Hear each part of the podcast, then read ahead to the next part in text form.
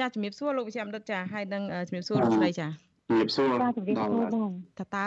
មកដល់ម៉ោងនេះតើក្រុមគ្រួសារបានរៀបចំអីរួចរាល់អីធ្វើពិធីបន់អីហើយអស់ហើយនៅហើយយ៉ាងម៉េចទៀតមានការដាក់ពាក្យប្តឹងអីយ៉ាងម៉េចដែរជុំវិញរឿងនេះចាចាជំរាបសួរបង មកដល់ពេលនេះសាកសពអូនខ្ញុំបានធ្វើបន់តាមប្រពៃណីរួចរាល់អស់ហើយហើយខ្ញុំក៏បានរៀបចំពាក្យបណ្ដឹងដាក់ទៅខាងតុលាការខេត្តបាត់ដំបងខ្ញុំកំពុងតែរៀបចំឯកសារនោះបងតកតងទៅនឹងបញ្ហានេះឃើញក្នុងរយៈពេល2ថ្ងៃជាប់គ្នានេះតាំងពីថ្ងៃទី5ខែមេសានិងថ្ងៃទី6នេះគឺខាងស្នងការនគរបាលខេត្តបាត់ដំបងនោះបានចេញសេចក្តីបំភ្លឺរបស់ខ្លួននឹងពីលិខិតហើយហើយស្តៀងនឹងលិខិតទី1ដែលចេញមកដែរគ្រាន់តែមានបំភ្លឺតកតងទៅនឹងត្រង់របួសស្នាមគាត់ថាការស្លាប់នេះគឺដោយសារតែ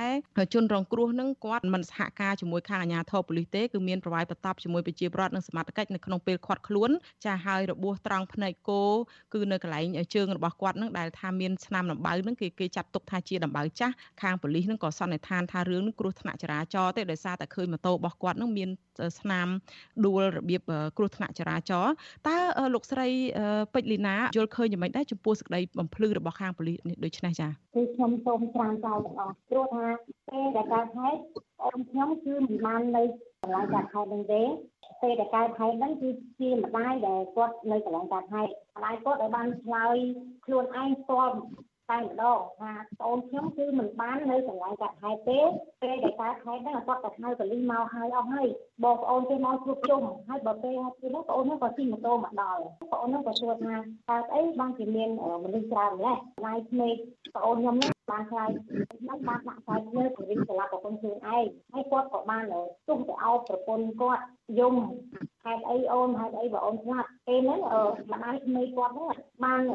ឆ្លើយថាតែមិនបាច់យំហើយទេហើយបានតែភ្លើងសម្លាប់ខ្លួនឯងហើយលោកប៉ូលីសដាក់ខ្នោះទេទៅប្អូនខ្ញុំគឺមិនបានមានការបតាយបតប់អ្វីទាំងអស់ជាមួយនឹងសមត្ថកិច្ចហើយនឹងប្រជាជននៅទីនោះព្រោះអីអត់មានខ្នោះបាត់អីដែរមិនអាចនឹងតតាំងបានទេហើយកន្លែងនេះទៀតលក្ខណៈរបៀបសហចរាចរណ៍នេះគឺរូបភាពមុននឹងចាក់ទៅហ្នឹងតែគាត់អង្គុយនឹងដីនៅលើមុខគាត់គឺមានសាកឋានឈាមអីអីទេហើយកន្លែងជើងតែថាបតាយបតប់មានដំបូងហ្នឹងក៏គ្មានដែរតកតងទៅនឹងបញ្ហានេះនាងខ្ញុំសូមងាកទៅលោកវិជ្ជបណ្ឌិតអ៊ូចវិធីសិនមុននឹងបន្តទៅលោកស្រីលីណាបន្តទៀតចាលោកវិជ្ជបណ្ឌិតតើលោកវិជ្ជបណ្ឌិតអាចបកស្រាយបានទេឃើញនៅក្នុងសេចក្តីបំភ្លឺរបស់ខាងប៉ូលីសបានលើកឡើងហើយថាករណីនេះគឺរឿងកាំងបេះដូងហើយការដែលគាត់ស្លាប់នេះដោយសារតែគាត់ប្រើប្រាស់គ្រឿងញៀនអីជាដើមតើស្ថានភាពអ្នកជំងឺដែលមានរោគកាំងបេះដូងហ្នឹងតើអាចឲ្យគាត់នឹងមានរូបរាងជាំអីចឹងទេនៅពេលដែលគាត់ស្លាប់ទៅនឹងអាចលេចចេញផុសចេញនៅការជាំនៅលើរាងកាយរបស់គាត់មួយចំនួនអីចឹងទេឬយ៉ាងម៉េចលោកវិជ្ជបណ្ឌិតចាអ្នកជំងឺដែលមានជំងឺរោគបេះដូងនេះគឺថាបើសិនជាស្លាប់ស្រួលណាស់ហើយអត់មានពិបាកដែលយើងឃើញថាគាត់មានជាប់មានអីចឹងទេបាទអត់មានទេហើយបើសិនជាបេះដូងវារលត់គឺថារាងកាយមនុស្សយើងក៏រលត់ដែរដូចខ្ញុំញ៉ាំពងតែនិយាយនិយាយចឹងបេះដូងវាបើឈប់ដើរគឺថាខ្ញុំដួលទើងទៅកៅអីភ្លាមកន្លែងនេះហើយដែលយើងសម្គាល់ថាมันអាច ទៅមានជាំមានរបួសមានអីស្នាក់ស្នាមអញ្ចឹងទេនេះខ្ញុំសូមកាត់ប្រសាសន៍លោកចាំដិតត្រង់ចំណុចនេះបន្តិចដោយសារលោកចាំដិតបានរៀបរាប់ឲ្យថាបើជំងឺកាំងបេះដូងគឺមិនឃើញមានស្នាមជាំអីបែបនេះទេប៉ុន្តែដោយឡែកតកតងទៅនឹងបញ្ហានេះតើក្រុមគ្រូពេទ្យអាចធ្វើកសលវិច័យអីអាចមើលឃើញបានទេថាតើអាការដែលប៉ះទង្គិចរបស់គាត់នៅស្នាមរបួសរបស់គាត់នៅលើដងខ្លួននៅលើក្បាលលើមុខមាត់នឹងនេះអីហ្នឹងអាចដឹងថាប៉ះទង្គិចដោយវត្ថុរឹងឬក៏វត្ថុទន់ឬដោយរបៀបណាបានទេការធ្វើកសលវិច័យទៅលើសពឬក៏ស្លាកស្នាមនឹងចាបើសិនជាគ្រូពេទ្យទាំងអស់ដែលគាត់មានឆន្ទៈចង់ជួយដល់ជនរងគ្រោះណាចង់រ ខុសត្រូវជូនជនរងគ្រោះអត់ពិបាកទេដែលមានស្នាក់ស្នាមអញ្ចឹងគាត់ធ្វើកសលវិច័យគឺឃើញច្បាស់ហើយអ្នកណាដែលប្រព្រឹត្តអ្នកណាដែលធ្វើហ្នឹងអ្នកណាដែលសុំកលុំហ្នឹងអ្នកណាដែលជាគូកនហ្នឹងអាហ្នឹងគឺគាត់អាចរកឃើញហើយព្រោះការធ្វើកសលវិច័យវាមានមន្ត្រីកសលវិច័យគេមួយប៉ូលីសកសលវិច័យប៉ុន្តែវាមានពេទ្យដែលចូលទៅមន្ទីរពេទ្យនោះមន្ទីរពេទ្យហ្នឹងគាត់វាយតម្លៃយ៉ាងម៉េចទី1ទី2 លោកគ្រូពេទ្យដែលធ្វើកសលវិច័យហ្នឹងតើគាត់សំអាងទៅលើអីដែលថាអ្នកជំងឺគាត់ស្លាប់ដោយគាំងបេះដូងបាទអញ្ចឹងយើងត្រូវហៅលោកគ្រូពេទ្យហ្នឹងមកសួរដើម្បីឲ្យដឹងថាតើអ្នកជំងឺហ្នឹងស្លាប់ដោយកាំងបេះដូងឬមួយស្លាប់ដោយគាត់លេងថ្នាំញៀនហួសហេតុពេកដែលធ្វើឲ្យកាំងបេះដូងព្រោះហ្នឹងវាមានដែរអ្នកដែលប្រើថ្នាំញៀនហួសហេតុពេកអាច កាំងបេះដូងដែរហើយខ្ញុំសូមទុកដល់បងស្រីដែលគាត់ធ្លាប់មានប្រវត្តិលេងថ្នាំញៀនអត់បាទប្រើថ្នាំញៀនអត់កន្លែងហ្នឹងហើយដែលអាចមានផលប៉ះពាល់ដល់បេះដូងដែរជួនកាលអាចស្លាប់នៅឯងដោយគ្មានអ្នកណាទៅហ្នឹងបើគាត់មានគ្រឿងញៀននៅក្នុងខ្លួនមែនបាទប៉ុន្តែបើអ្នកជំងឺបេះដូងហើយយើងនៅដាក់គ្នាក្នុងឃុំគួរណាតែមានមន្ត្រីឆ្មាំហ្នឹងជួយមើលគាត់តើគាត់លេះឡាស់គាត់អីយ៉ាងម៉េច ដូចខ្ញុំមើលអាគេសរសេរបដិសេធហ្នឹងវាជារឿងមួយរបស់គេក្រោយពីអញ្ចឹងបានចេញលិខិតហ្នឹងវាអានេះជារឿងរបស់អាជ្ញាធរឯងបាទអញ្ចឹងទេខ្ញុំសូមឲ្យខាង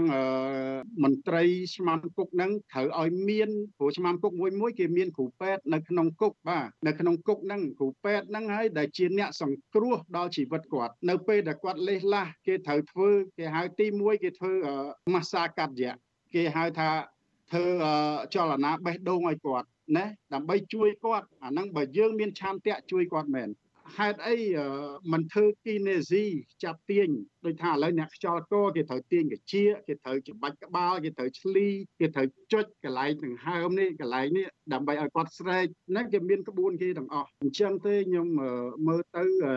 ខ្ញុំឃើញថាឃើញរូបភាពនេះយើងគួរឲ្យសោកស្ដាយដែរឃើញថាមាន មានករណីនឹងកើតឡើងហើយមានជួមមានអីចឹងមុខប៉ោងក្បាលអីក៏យើងខ្ញុំក៏អត់បានមើលផ្ទាល់បើខ្ញុំមើលផ្ទាល់ខ្ញុំសន្និដ្ឋានឲ្យហ្មងបាទអញ្ចឹងទេក្នុងនាមខ្ញុំជាគ្រូពេទ្យហ្នឹងគួរណាបងប្អូនដែលជាគ្រូពេទ្យដូចគ្នាហ្នឹងកុំយកឆន្ទៈខ្លួនឲ្យខ្លាចគេហៅថាគេហៅថាប្រព្រឹត្តខុសនៅអំពើខ្លាចកន្លែងហ្នឹងហើយដែលបងប្អូនមានកំហុសហើយតទៅដល់កូនដល់ចៅបងប្អូនថ្ងៃក្រោយទៀតបាទថ្ងៃនេះ យើងមិនចង់ឲ្យមានអំពើហិង្សានឹងកើតឡើងបាទអត់ចង់ឲ្យមានកើតឡើងទេបើសិនជាមានកើតឡើងអញ្ចឹងអញ្ចឹងសួរថាខ្មែរយើងថ្ងៃណាចប់ខ្មែរយើងអត់ចប់ទេហើយនៅលៀបពណ៌គ្នានៅសម្លាប់គ្នានៅតពូជនៅសល់កំអែលពីអាពតនឹងមកច្រើនណាស់បើសិនជាចង់ឲ្យរយុទ្ធធម៌ដល់បងស្រី ហើយនៅតែសួរអ្នកដែលកាន់ច្បាប់កន្លែងហ្នឹងដែរដែរគឺថាมันអាចចេញទេអញ្ចឹងគួរណាតែប្រមុខរដ្ឋាភិបាលទាំងពីរហ្នឹងសូមលោកមេត្តាជួយគណៈកម្មការឯករាជ្យមួយបាទបានរយុទ្ធធរជូនជូនរងគ្រោះបានព្រោះរឿងនេះវាជាប្រព័ន្ធហើយបើយើងតាមយើងមើលបាទអញ្ចឹងជំងឺបេះដូងបើនិយាយទៅអត់មានជាប់មានអីបែកចឹងទេ នៅពេលដែលគេចាប់ទៅខ្ញុំឃើញជើងអត់មានស្នាមទេឃើញស្នាមចុចអុចខ្ញុំសួរមួយទៀត នៅពេលដែលយើងយកសាកសពចេញពីមន្ត្រីប៉ូលីសយើងយើងមានដោះអាវដោះខោគាត់មើលមុខប៉ូលីសទាំងអស់គ្នាទេដើម្បីសួរប៉ូលីសថាហេតុអីបងប្រុសខ្ញុំបានទៅជាអញ្ចឹងកន្លែងហ្នឹងមួយដែលជាកំហុសយើងដែរណាចាសូមអញ្ចឹងសូមសូមលោកស្រីលីណាអាចបកស្រាយបន្តិចទៅមើលជំវិញដែលសំណួររបស់លោកវិជ្ជបណ្ឌិតចៅសួរមិញហ្នឹងចាសូមអរគុណហើយខ្ញុំសូមឆ្លើយសំណួរទៅលោកពូវិជ្ជបណ្ឌិត តែបានសួរមកខ្ញុំថាតើបងអូនខ្ញុំគាត់ប្រើថ្នាំញៀនឬក៏អត់ខ្ញុំសូមឆ្លើយថាបងអូនខ្ញុំមិនគាត់ប្រើថ្នាំញៀនពីមុនមកទេព្រោះគាត់មកធ្វើផ្ទះខ្ញុំនេះគាត់នៅជាមួយខ្ញុំគាត់នៅជាមួយខ្ញុំមិនមានឃើញមានការប្រព្រឹត្តថ្នាំញៀនឡើយមិនមានសោះបងអូនខ្ញុំស្លាប់ភ្លាមយកសាកសពមកមកដែរមកទុកក្នុងផ្ទះកាត់ហេតុណាបងប្អូនខ្ញុំទៅដល់គាត់មិនអនុញ្ញាតឲ្យទៅចិត្តនេះទេគាត់ឲ្យចាំរហូតដល់ពេលព្រឹក គាត់ថាព្រឹកម៉ោង8អ៊ំខ្ញុំគាត់មកម្សាទៀតព្រឹកម៉ោង8ហើយគេមិនឲ្យទៅចិត្តទៀតគេមិនឲ្យសូម្បីតែអ្នកសារព័ត៌មានក៏គេមិនឲ្យដែរពួកគាត់ចាំរហូតដល់ម៉ោង11បានប៉ូលីសដឹកសពប្អូនខ្ញុំនោះរុំទៀតដាក់លើឡានខ្លួនឯងបញ្ជូនមកវត្តពោធិវង្សហើយទៅតាមកន្លែងហ្នឹងហើយពេលដែលលើកដាក់មកហើយក៏លើកដាក់ទៅចិត្តកន្លែងពិថាហ្នឹងហើយក៏គេហុចกระดาษមកផលិតហើយអ៊ំខ្ញុំនោះគាត់ទៅទេសញ្ញាទទួលហ្នឹងគាត់សញ្ញាទទួល ហាក់សពទេគាត់មិនបានសញ្ញាទទួលថាអូបងអូនខ្ញុំឆ្លប់ពិការទាំងដងឡើយហើយពេលហ្នឹងមិនទាន់បានឃើញសាកសពទេរូបរាងទេព្រោះអីនៅជាជាចក្រអាចិត្តគេគេគេរុំហើយហើយពលិសក៏បានចេញទៅផុតអស់អ៊ំខ្ញុំក៏ត្រូវផ្លាស់កៅអៅគាត់ជួយចំអះពេលហ្នឹងហើយដែលតែឃើញដែលឃើញស្លាកស្នាមជាច្រើនដែលពួកខ្ញុំមិនអាចទទួលយកបានគឺអំណោយដែលធំខ្លាំងណាស់ដែលដែលលោកពលិសគាត់ថៃ ថាជាងបេះដូងថាជាងបេះដូងជារបៀបទៅបើស្នាមរបួសពេញខ្លួនទាំងអស់ចេញឈាមតាមតិចផងតាមចំមុខផងក្បាលឃើញឃើញស្នាមទឹកអស់ហ្មង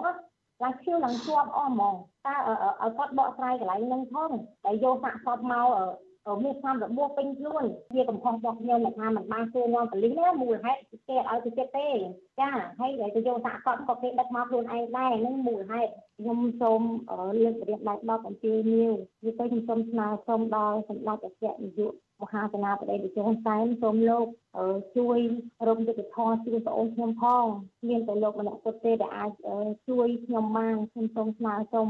ដល់ស្ដេចអនុគ្រោះផងដើម្បីរកកិត្តិយសជូនបងអូនខ្ញុំដែលរដ្ឋការចោតប្រកាន់ទាំងឡាយជាឃាតករជាប្រែឆ្នាំមានជាអ្វីអ្វីទាំងអស់ហើយនឹងយុទ្ធធម៌សម្រាប់បងអូនខ្ញុំត្រឡប់មកវិញ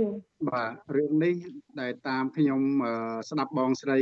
មានប្រសាសន៍មកខ្ញុំអាចសន្និដ្ឋានបានថារឿងនេះ វាអាចទៅលើមនុស្សទី3និងទី4ទៀតបាទអញ្ចឹងទេយើងមិនទាន់ចោទថាអ្នកណាជាអ្នកណាទេអញ្ចឹងសូមឲ្យខាងគណៈកម្មការបង្ក្រប់កិច្ចឯករាជ្យនឹងមួយស្រាវជ្រាវរឿងនេះឡើងវិញបើនៅតែធ្វើអញ្ចឹងគេហៅនិទានភាពហើយអញ្ចឹងទេសូមឲ្យខាងបងស្រីហ្នឹង